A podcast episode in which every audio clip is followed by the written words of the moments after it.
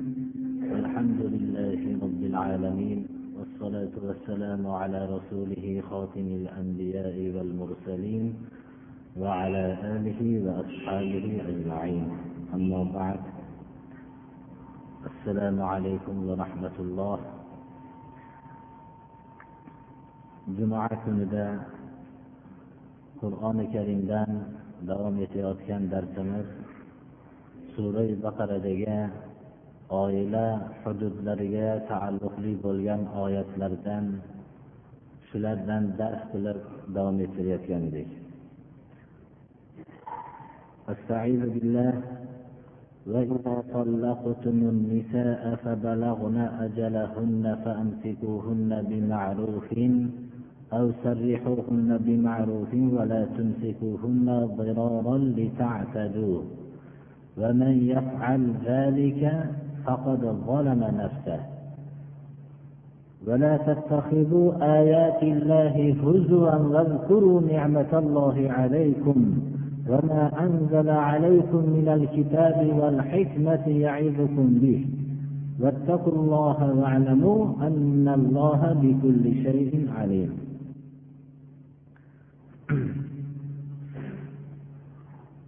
oila avvalgi qurilishligida ikkala tarafning rag'batiga asosan qurilishligiga qaramasdan oila hududlari keyinchalik ba'zi sharoitlarda islomdan chetlangan tuzumlarda bo'lsa ko'proq sharoitlarda judo bo'lishlikka sabab bo'ladi.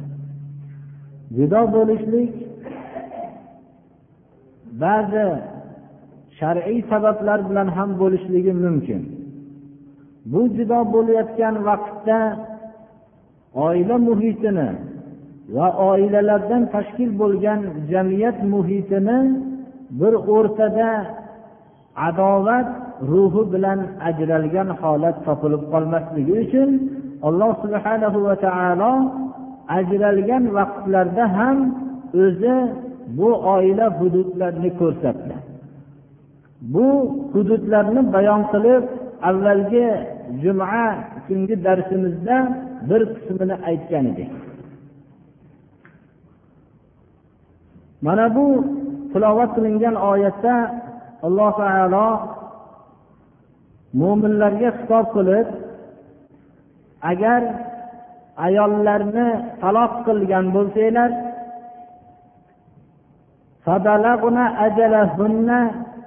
idda muddatiga yaqinlashib ya'ni idda muddatining chiqishligi yaqinlashgan bo'lsa ayollarni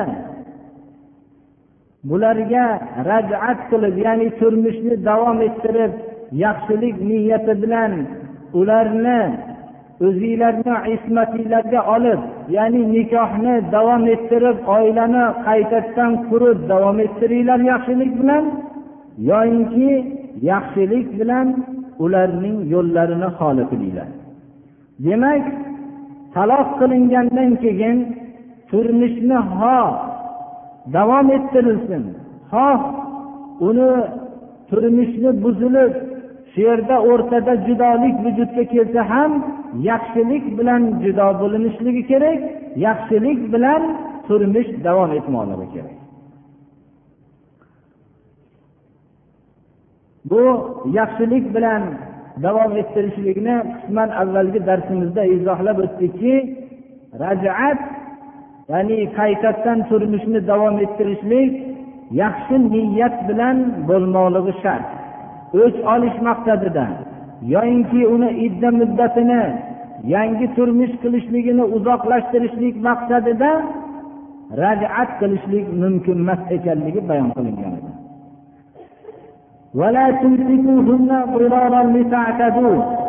Alloh subhanahu va taolo yaxshilik bilan turmushni davom ettiringlar degan so'z bilan kifoyalanmasdan ularniga zarar yetkazishlik maqsadida zulm qilishlik uchun zulm qilishlik maqsadida ayollar bilan turmushni davom ettirmanglar. Zamoni johiliyatda sodir bo'lgan voqealarni ba'zisini biz hozir esga olishligimiz bu oyatni tushunishligimizga yana ham yordam beradi. Ansoriylardan bittalari ayoliga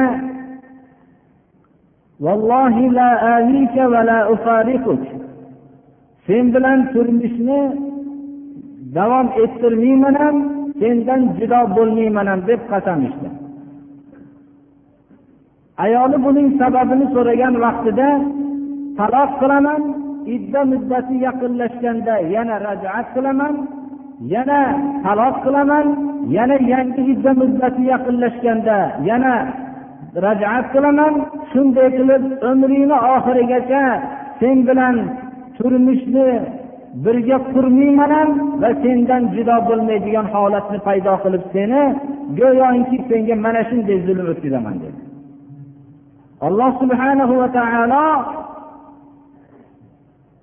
mazlumni mana bitta mazluma ayolning hojatini his qilib bu mazluma ayolning dodiga yetib qiyomatgacha bo'lgan ayollar zulm qilinadigan holatda himoya qilib sizlar ayollarni zarar yetkazib ularga zulm qilishliginglardan ularga zarar yetkazib ushlab turmanglar degan oyat nozil bo'ldi. Johiliyatda ayol kishi turli tuman azoblarga giriftor bo'lardi. Qiz bola tug'ilishligi bilan ko'p suratlarda tirik suratda ko'milardi. Yashagan bo'lsa mashaqqat xorlik bilan yashardi. Ayol bo'lganda er kishining bir jinsiy matosidan boshqa hurmati yo'q edi. Bundan ko'ra tuya ot boshqa hayvonlar qiymatliroq e'tiborliroq turardi. Bir tuyasiga qaragancha o'zining ayoliga qaramasdi. Taloq qilinganda endi javobini olgandan keyin ham bu zulmdan qutulmasdi. Ba'zi vaqtlarda ayol bilan turmush o'rtog'i turmush qurishlikka rag'bat qilsa ota onalar tarafidan shaxsiy adovatlarni hisobga olinib turmushga yo'l berilmasdi. Xuddi hozirgi johiliyatda ham shunday ishlar bo'lmoqda. Alloh subhanahu va taolo mana bunday mazluma bo'lgan ayollarning hammasini dodiga yetib mana bu oyatlarni nozil qilib ularning huquqlarini himoya qildi. Shuni yaxshi bilib o'tishimiz kerakki boshqa mamlakatlarda olgan ayollar o'zlarining huquqlari agar to'g'ri huquq bo'lsa ular ko'p namoyishlar talablardan keyin olishdi. Ammo alloh subhanahu va taolo ayol huquqini talab qilishlikni bilmagan vaqtda bu huquqlarni berdi. Islom buni majbur bo'lib bergani yo'q boshqa tuzumlarga o'xshagan. Ixtiyoriy suratda inson qilib yaratganligi uchun o'z ixtiyori bilan bu ayollarning huquqlarini berdi xuddi erkaklarning huquqlarini berganga o'xshagan.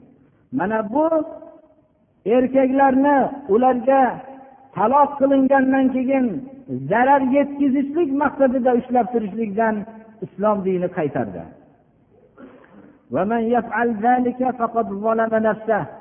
Kim taloq qilgandan keyin turmushni yaxshi niyatda qaytadan qurish niyatini yo'qotib unga bir o'ch olishlik uchun yoyinki ba'zi rajatni yana qilsam yana taloq qilsam idda muddati uzoqlashib zulmni ko'p tortganlikdan o'zini javob berishligini talab qilgandan keyin unga bergan mahrimni qaytarib olaman.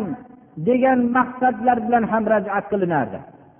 Xuddi hozirgi zamonda ham aybni ayolga to'ngasak ko'p chiqimlardan men salomat qolaman degan maqsadda ayolga ko'p zulmlar yetkazib talabni o'zi tarafidan bo'lishligini maqsad qilinayotganga o'xshagan.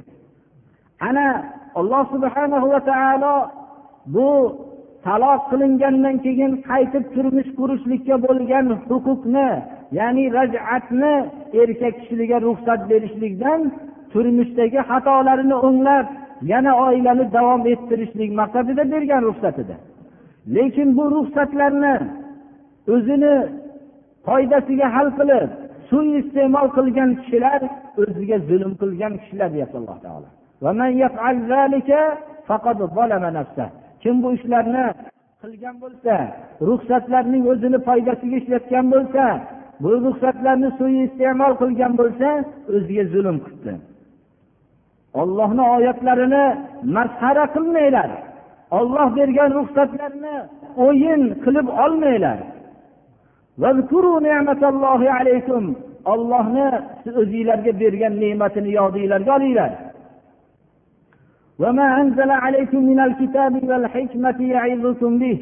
Bu ne'matlarni ichida eng katta ne'mat bo'lgan olloh sizlarga tushirgan qur'onni yodinglarga olinglar.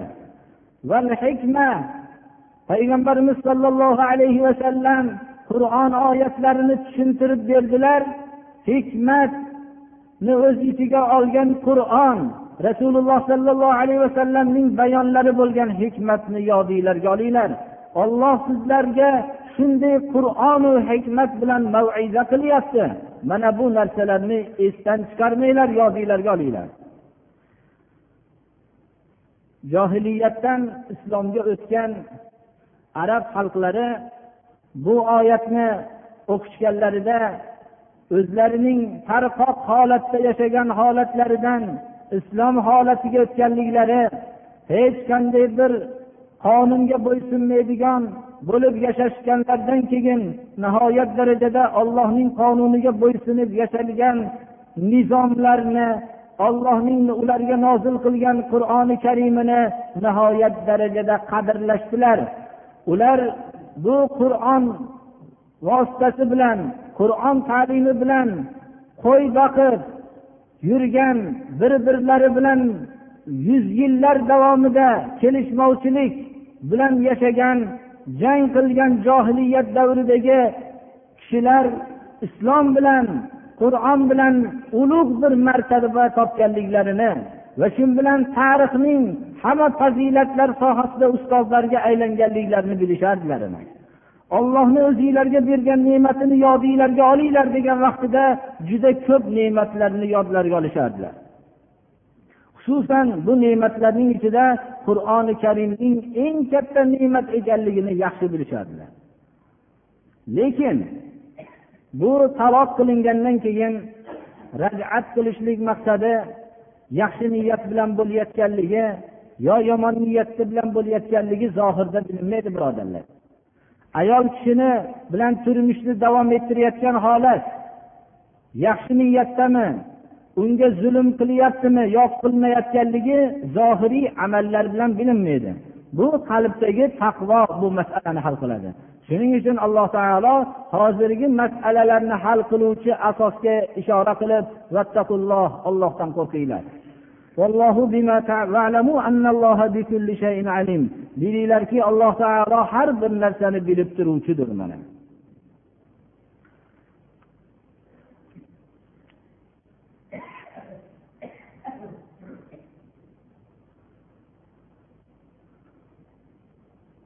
وإذا طلقتم النساء فبلغن أجلهن فلا تعذلوهن أن ينكحن أزواجهن إذا تراضوا بينهم بالمعروف. ذلك يوعظ به من كان يؤمن بالله واليوم الآخر. ذلكم أزكى لكم وأطهر. والله يعلم وأنتم لا تعلمون. agar ayollarni taloq qilsanglar ular idda muddatiga yaqinlashgan bo'lishsa mabodo er bilan ayol qaytadan turmush qilishlikka rag'bat qilib qolishsa shunda ayollarning o'zlarini turmush o'rtoqlari bilan turmushlarini davom ettirishlikka o'zaro yaxshi niyat bilan rozi bo'lishgan bo'lsa ey ota onalar sizlar bularning yo'lini to'smanglar.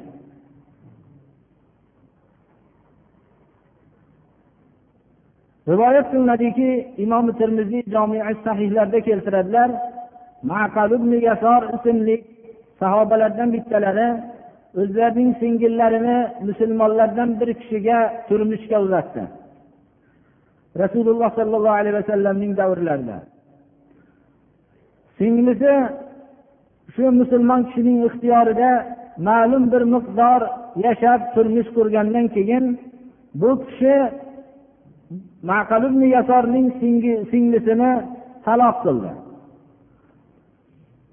Ana iddasi tamom bo'ldi. Iddasi tamom bo'lgandan keyin taloq qiluvchi kishi attang qilib taloq qilingan ayol ham attang qildida turmushini davom ettirishlikka rag'bat qilishib qoldilar shunda maqalubni yasorning huzuriga kelib o'zini ajrashgan turmushi bilan turmushni davom ettirishlik uchun kelganda bu ayolning akasi maqalubni yasor kuyoviga qarab yo luka abna luka أكرمتك بها وزوجتكها فطلقتها والله لا ترجع إليك أبدا ey nodonni o'g'li nodon men senga singlimni turmushga uzatib hurmat qilgan edim. Senga turmushga uzatgan edim. Sen buni taloq qilib taloq qilib buni xorlading qaytib senga turmush qilishlikka yo'l bermayman dedi. Shunda alloh subhanahu va taolo ikkala turmush qilganning hojatini bildi. Bilib ularga oyatni nozil qildi. Agar turmush qilgan kishilar taloq bo'lgandan keyin yana turmush qilishlikka rag'bat qilgan bo'lsa o'zaro yaxshilik bilan rozi bo'lishgan bo'lsa ey ota onalar ey qaramog'ida o'zlarining singillarini saqlab turgan vasiylar sizlar bu turmush qilishlik yo'lini to'smanglar dedi alloh taolo. Lekin insonlarga bu gap yetarli bo'lmaydi. Agarki har qancha ota onalarga nasihat qilinib bu haqda ikkita turmush qiluvchi turmushga rag'bat qilsa bunga bo'lgan buyruq ularga yetarli bo'lmasligi uchun mana bu oyat ularga qattiq bir shiddat bilan ta'sir qilmoqligi kerakki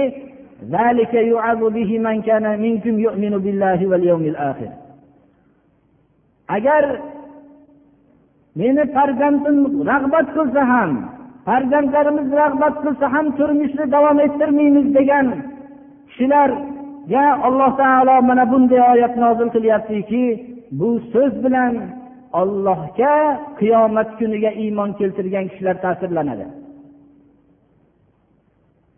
Bu siz ollohga qiyomat kuniga ertaga hisob beraman odamlarga zulm qilsam hisob beraman degan odamlar ta'sirlanadigan so'z deb alloh taolo bu oyatni nozil qildi. Bu oyatdan nihoyatda endi ta'sirlanmagan kishi boshqa so'z bilan ta'sirlanmaydi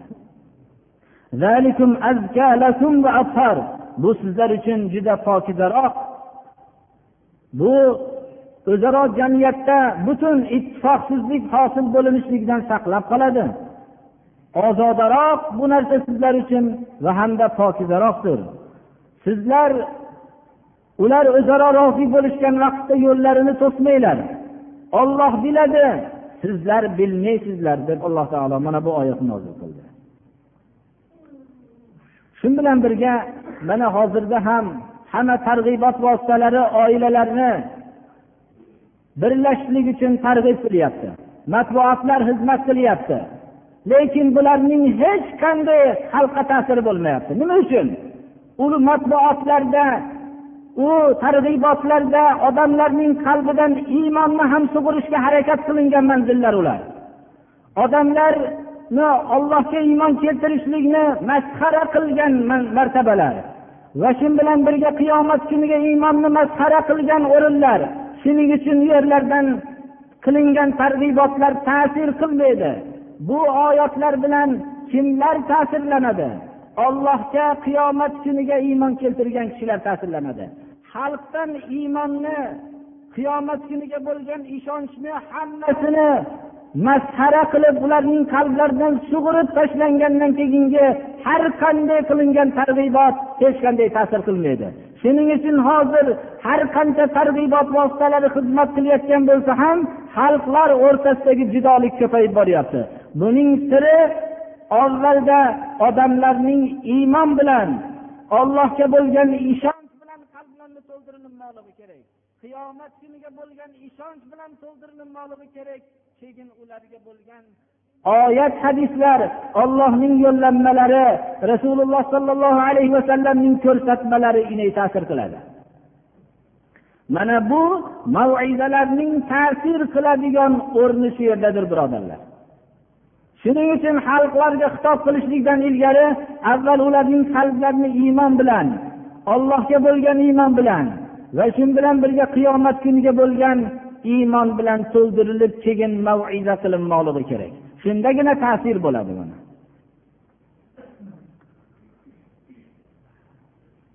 Va xalqlarning to'g'ri yo'lga yo'llashlikni xalqlarning yaratuvchi zot biladi. Odamlar bilmaydi. Bilmasligi mana hozirgi davrga kelib odamlar tarafidan tuzilingan maslaklar insoniyatning saodatiga sabab bo'lmasdan ularning shaqovatiga sabab bo'lib turibdi mana. Olloh biladi sizlar bilmaysizlar deyapti alloh taolo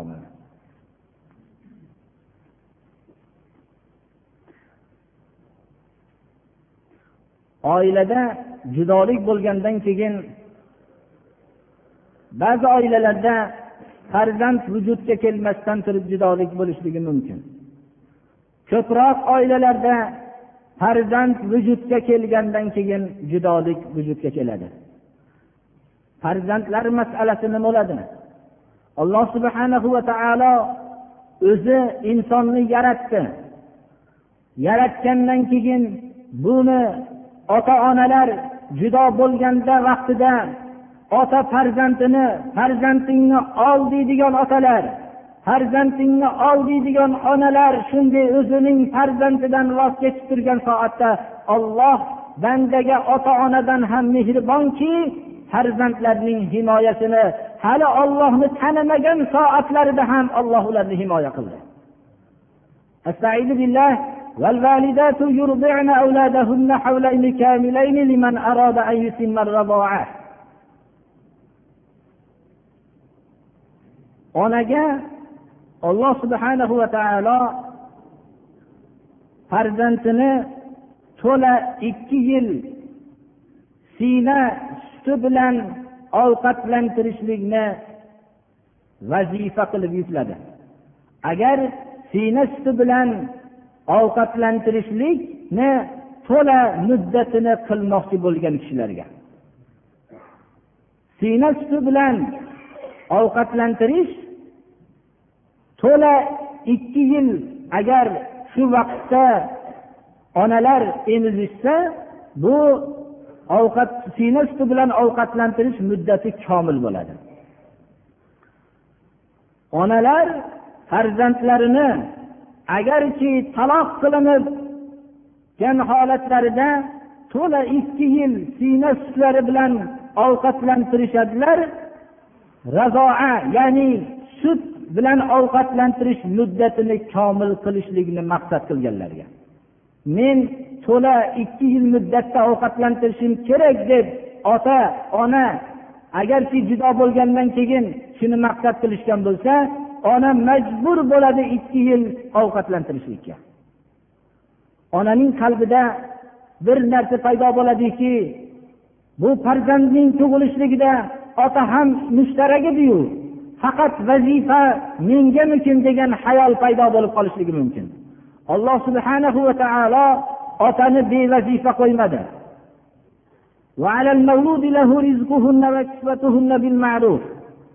Otaga siyna suti bilan ovqatlantirib turgan taloq qilingan ayolini yedirishlik va kiydirishlik o'rtacha miqdorida vazifasini olloh yukladi unga.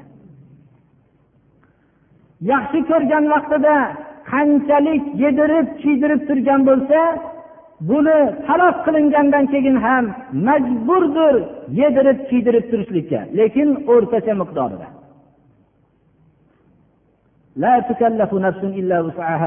Alloh subhanahu va taolo hakim har bir kishini o'zining imkoniyatida qudratida bo'lgan vazifaga taklif qildi. Hech bir kishi o'zining toqatidan tashqari narsaga taklif qilinmaydi. Onani o'zining imkoniyatida bor edi.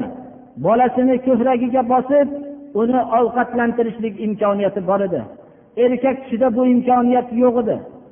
Ammo ona nafaqalarni topishlik go'dak bolasi bilan nafaqa topishlik imkoniyatida yo'q edi. Shuning uchun otaning imkoniyatida bor edi. Yedirib kiydirishlikni otaga vazifa qilib qo'ydi.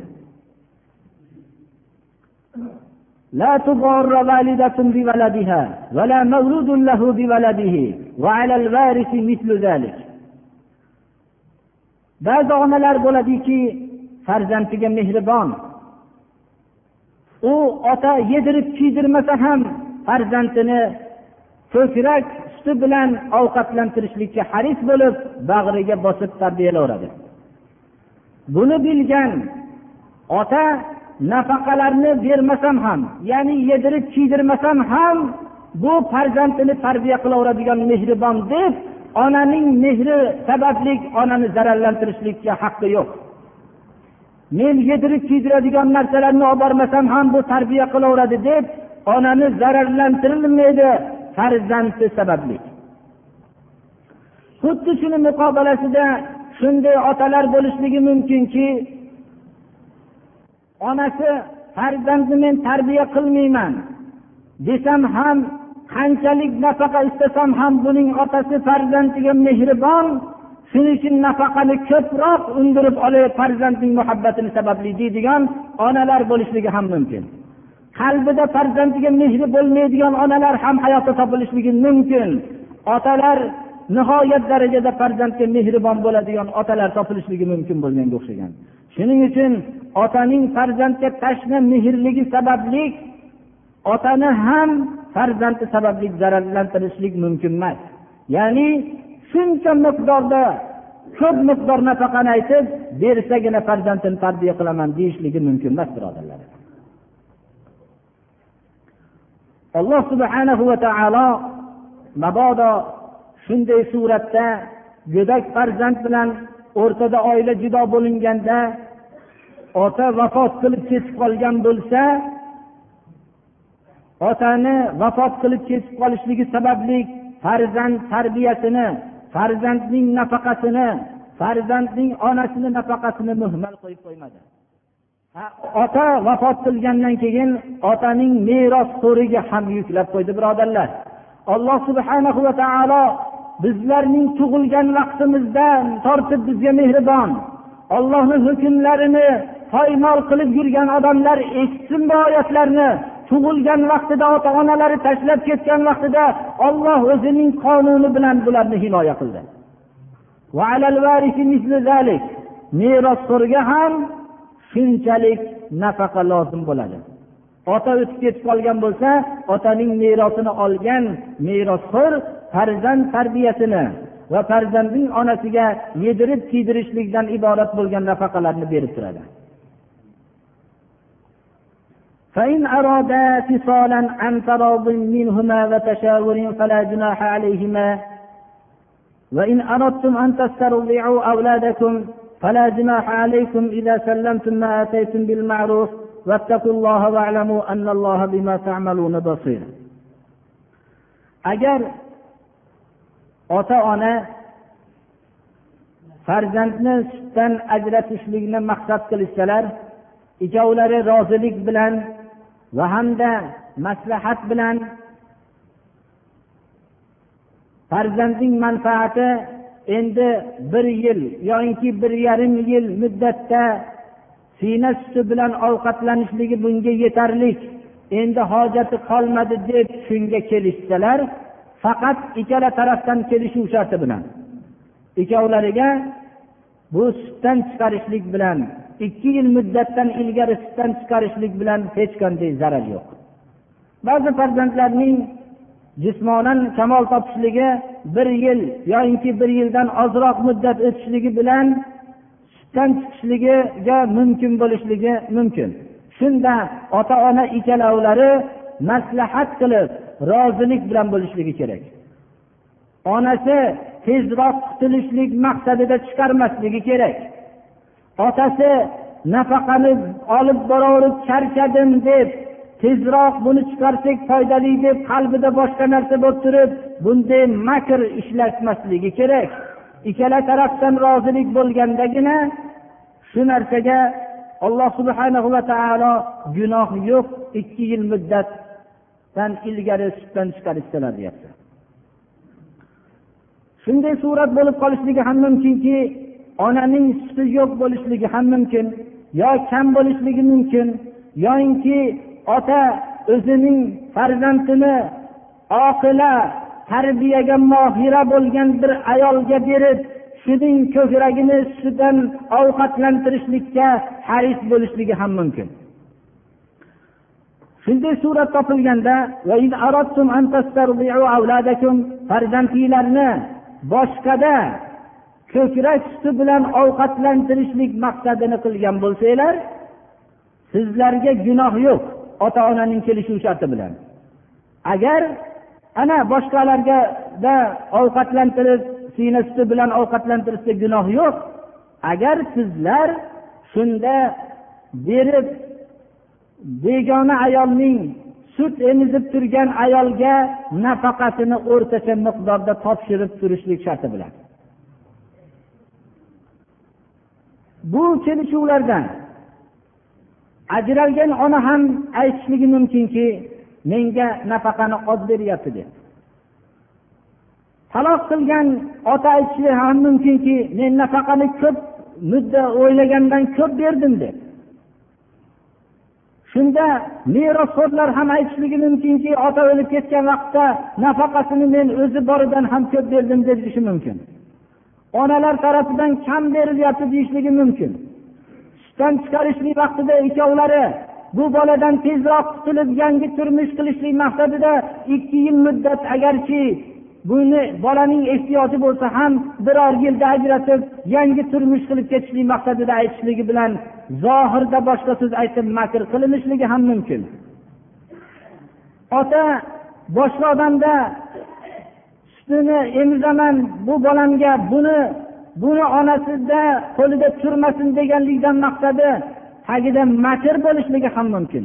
Demak bu vaqtlarda zohiriy so'zlar masalani hal qilmaydi.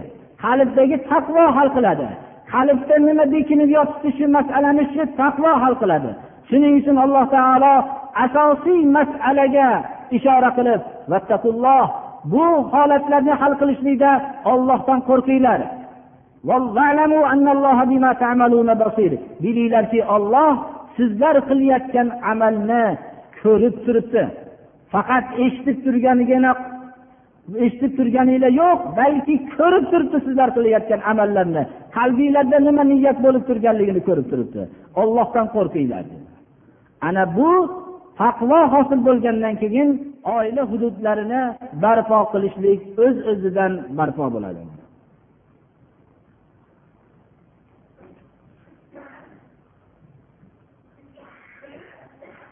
Birodarlar mana sanoqli oyatlar bilan oila hududlaridagi hamma suratlarning o'z ichiga olgan shakllarni alloh subhanahu va taolo bizga bayon qilib beryapti. Biror bir surat qolmayaptiki mana bu surat bo'lganda nima bo'ladi degan. Hammasi juda qisqa oyatlar bilan ifodalanyapti.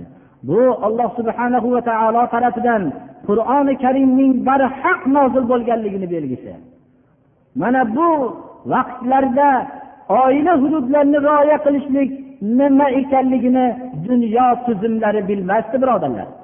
Bir ming to'rt yuz yil ilgari oila hududlarida qanday narsalar bo'lishligini shunday hal qildiki ularning ba'zi bir qismlarini hozirgi dunyoda endigina bilishmoqdalar.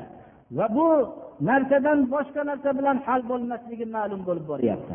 Shuning uchun biz qur'oni karimni qanchalik bir daqiq qonun ekanligini bir his qilmoqligimiz kerak. Qur'onni qo'yib biz qayoqlarga ketayotganligimizni bir o'ylab qo'yishligimiz kerak. Alloh subhana va taolo hammamizni oilalarimizda ittifoqlik bilan yashashlikni olloh nasib qilsin.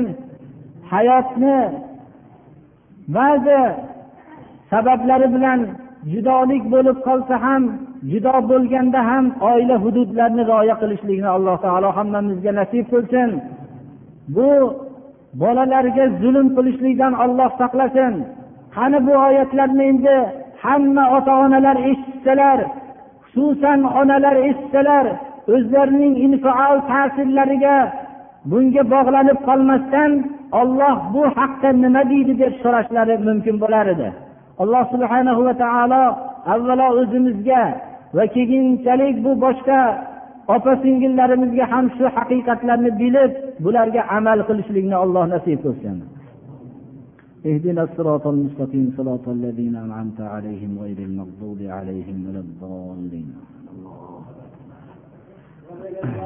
الله سبحانه وتعالى بزلنا عن خلق البلالة دان حوادث أطلب دان أزي سهلة ودن من هداية الله تعالى سبب بسم الله. الرحمن الرحيم كل هذا لنس نقص دعا قلشنا تلقص ذات ليتبقى عن نفسه وأتكذب bir hojayamiz kelgan ekanlar mehmon shu kishi botalar keldi shu kishini ham bir duo qilinsin debdilar.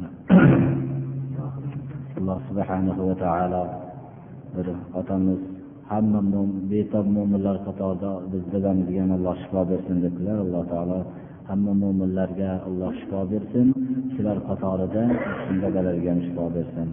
Bu hojayamizni ham alloh taolo hajlarni qabul qilsin va hamda shu bilan birga dini islomga xizmat qiladigan farzandlarni tarbiya qilishlikka alloh tavfiq bersin اللهم يسر لنا امورنا امور الدنيا والاخره واجرنا من خزي الدنيا وعذاب الاخرة. اللهم استرنا بسترك الجميل اللهم احفظنا يا فياض من جميع البلايا والامراض ربنا لا تجعلنا فتنة للقوم الظالمين ونجنا برحمتك من القوم الكافرين. ربنا هب لنا من أزواجنا وذرياتنا قرة أعين واجعلنا للمتقين إماما. اللهم أعز الإسلام والمسلمين وأذل الشرك والمشركين. اللهم إنا نعوذ بك من الكفر والفقر والجبن والكسل ومن فتنة المحيا ومن فتنة الممات.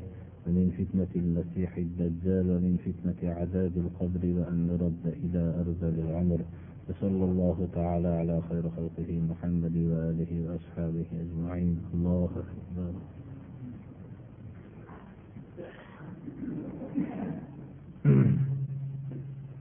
أعوذ بالله من الشيطان الرجيم. بسم الله الرحمن الرحيم. إن